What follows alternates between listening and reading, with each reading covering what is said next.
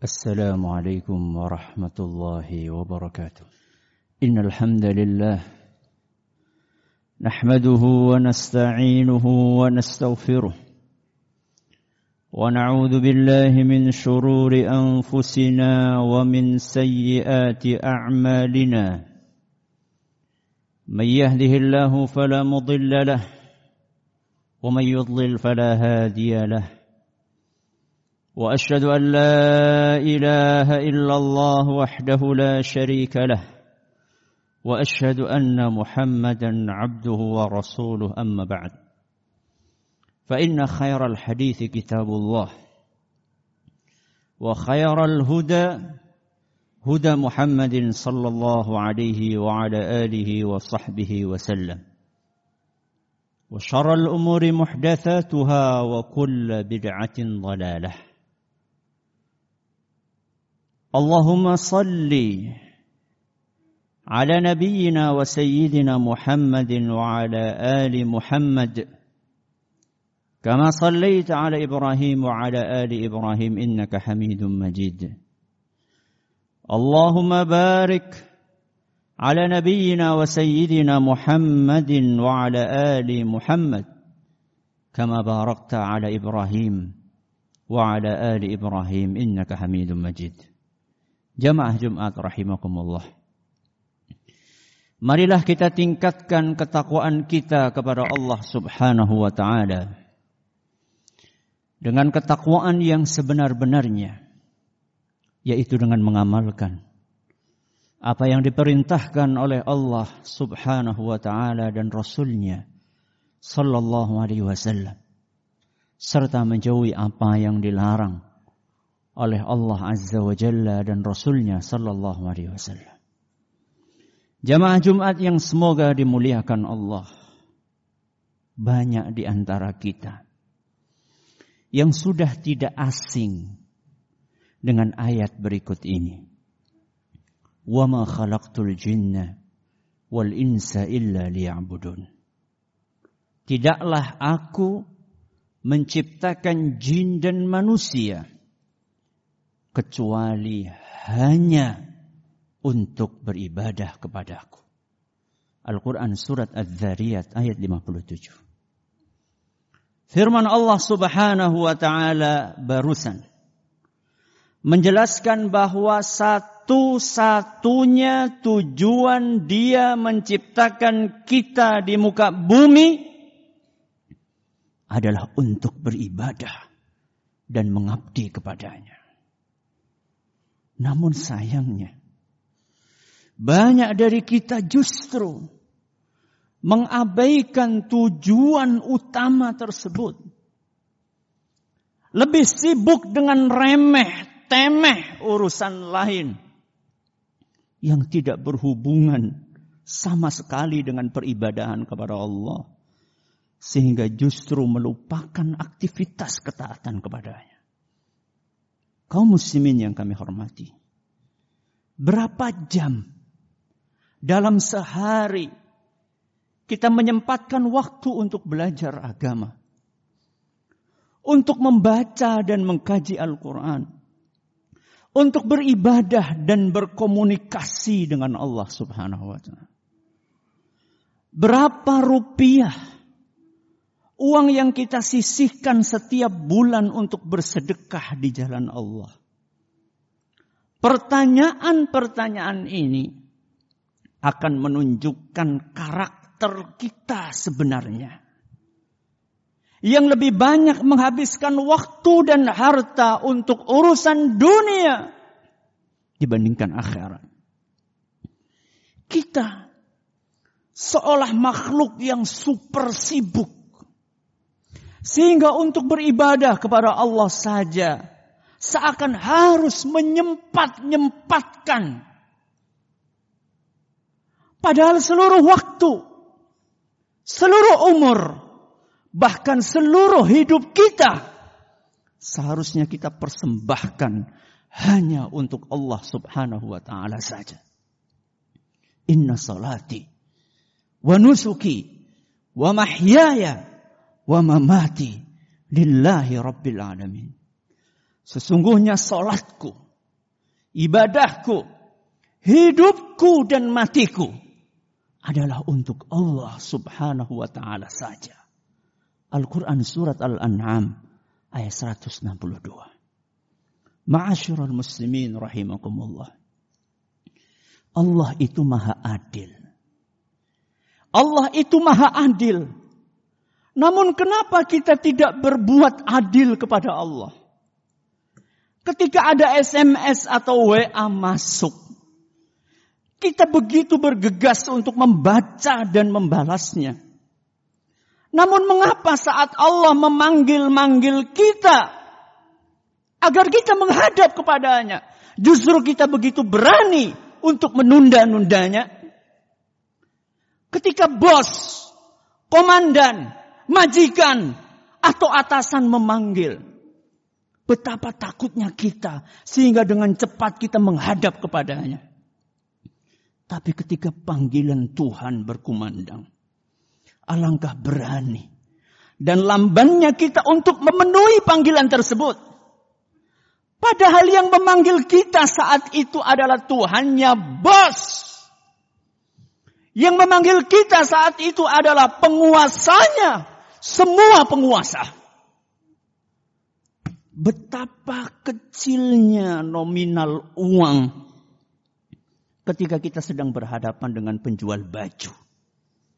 Alangkah murahnya nilai satu juta ketika kita sedang shopping.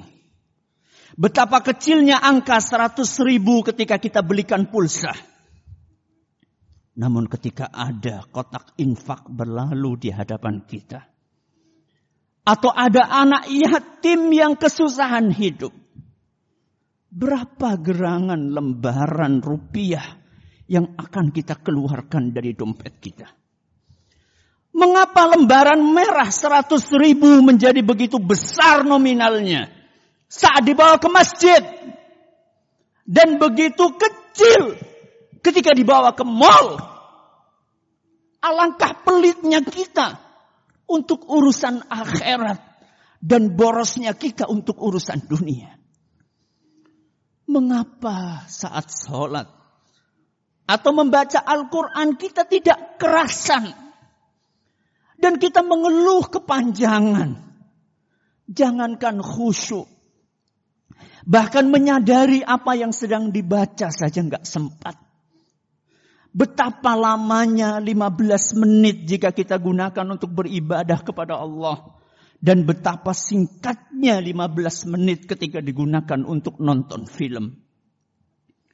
Betapa asyiknya apabila pertandingan bola ada perpanjangan waktu, tapi ketika mendengar khutbah Jumat lebih lama sedikit dari biasanya, kita begitu ringan untuk mengeluh bahkan menggerutu.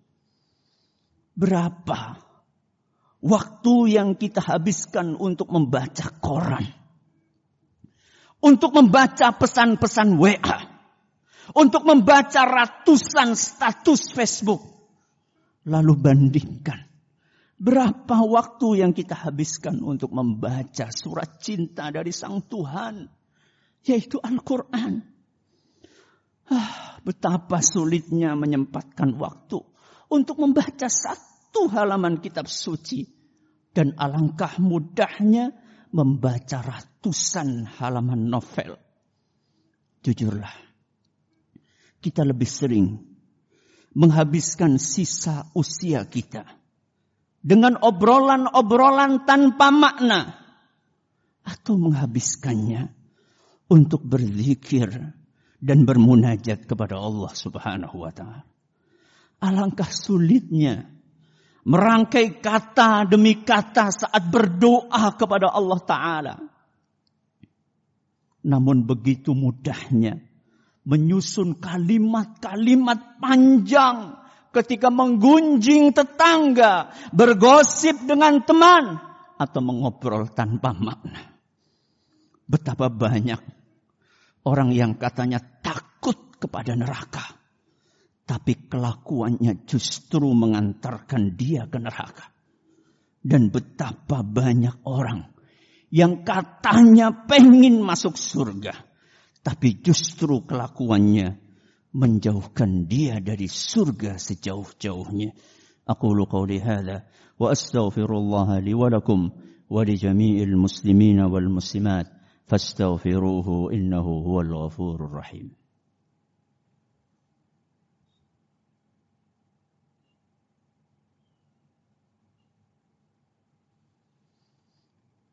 الحمد لله وحده والصلاة والسلام على من لا نبي بعده وعلى آله وصحبه ومن اتبع هداه إلى يوم القيامة أما بعد Sidang Jumat yang kami hormati. Tujuan Allah menciptakan kita hanya satu. Tujuan Allah menciptakan kita hanya satu. Yaitu untuk beribadah kepadanya. Tidak ada tujuan yang lain.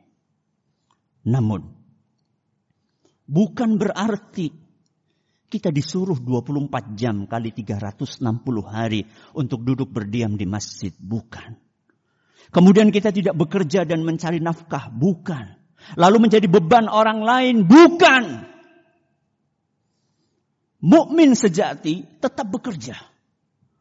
Mukmin sejati tetap membanting tulang, memeras keringat. Yang membedakan antara mukmin dan yang lainnya adalah untuk apa dia bekerja dan bagaimana cara dia bekerja. Untuk apa dia bekerja dan bagaimana cara dia bekerja. Yang pertama, untuk apa dia bekerja? Seorang mukmin dia bekerja untuk menjaga harga diri. Menjaga kehormatan agar tidak menjadi pengemis dan peminta-minta. Seorang mukmin bekerja untuk menafkahi anak, istri, dan keluarga yang ditanggungnya. Seorang mukmin bekerja untuk mengumpulkan modal harta yang bakal dia gunakan untuk bersedekah, untuk berkurban, untuk berumrah, untuk berhaji. Itulah tujuan mukmin bekerja. Adapun poin yang kedua, bagaimana mukmin bekerja? Mukmin bekerja hanya dalam jenis pekerjaan yang dihalalkan oleh Allah saja. Bukan pekerjaan yang remeng-remeng, yang syubhat, apalagi yang haram. Kemudian, kesibukan mukmin dalam bekerja tidak membuat dia lalai dari ibadah-ibadah yang primer. Waktunya sholat, dia berhenti bekerja untuk menunaikan sholat. Waktunya belajar agama, dia gunakan untuk fokus belajar agama. Waktunya refreshing, dan bercengkerama dengan keluarganya, ia manfaatkan untuk aktivitas positif tersebut. Intinya, kita harus menghabiskan seluruh umur kita untuk beribadah kepada Allah dan bekerja adalah termasuk dari ibadah. Dengan catatan berbagai poin yang telah tadi kita sampaikan. Hada wa sallu wa sallimu rahimakumullah. على الصادق الأمين كما أمركم بذلك مولاكم رب العالمين. فقال سبحانه إن الله وملائكته يصلون على النبي. يا أيها الذين آمنوا صلوا عليه وسلموا تسليما. اللهم صل على محمد وعلى آل محمد كما صليت على إبراهيم وعلى آل إبراهيم إنك حميد مجيد. اللهم بارك على محمد. وعلى آل محمد كما باركت على إبراهيم وعلى آل إبراهيم إنك حميد مجيد. ربنا ظلمنا أنفسنا وإن لم تغفر لنا وترحمنا لنكونن من الخاسرين. ربنا اغفر لنا ولإخواننا الذين سبقونا بالإيمان. ولا تجعل في قلوبنا غلا للذين آمنوا. ربنا إنك رؤوف رحيم. ربنا لا تزغ قلوبنا بعد إذ هديتنا وهب لنا من لدنك رحمة إنك أنت الوهاب ربنا آتنا في الدنيا حسنة وفي الآخرة حسنة وقنا عذاب النار وصلى الله على نبينا وسيدنا محمد وعلى آله وصحبه ومن تبعهم بإحسان إلى يوم الدين Wa akhiru da'wana. Alhamdulillahi Rabbil Alamin.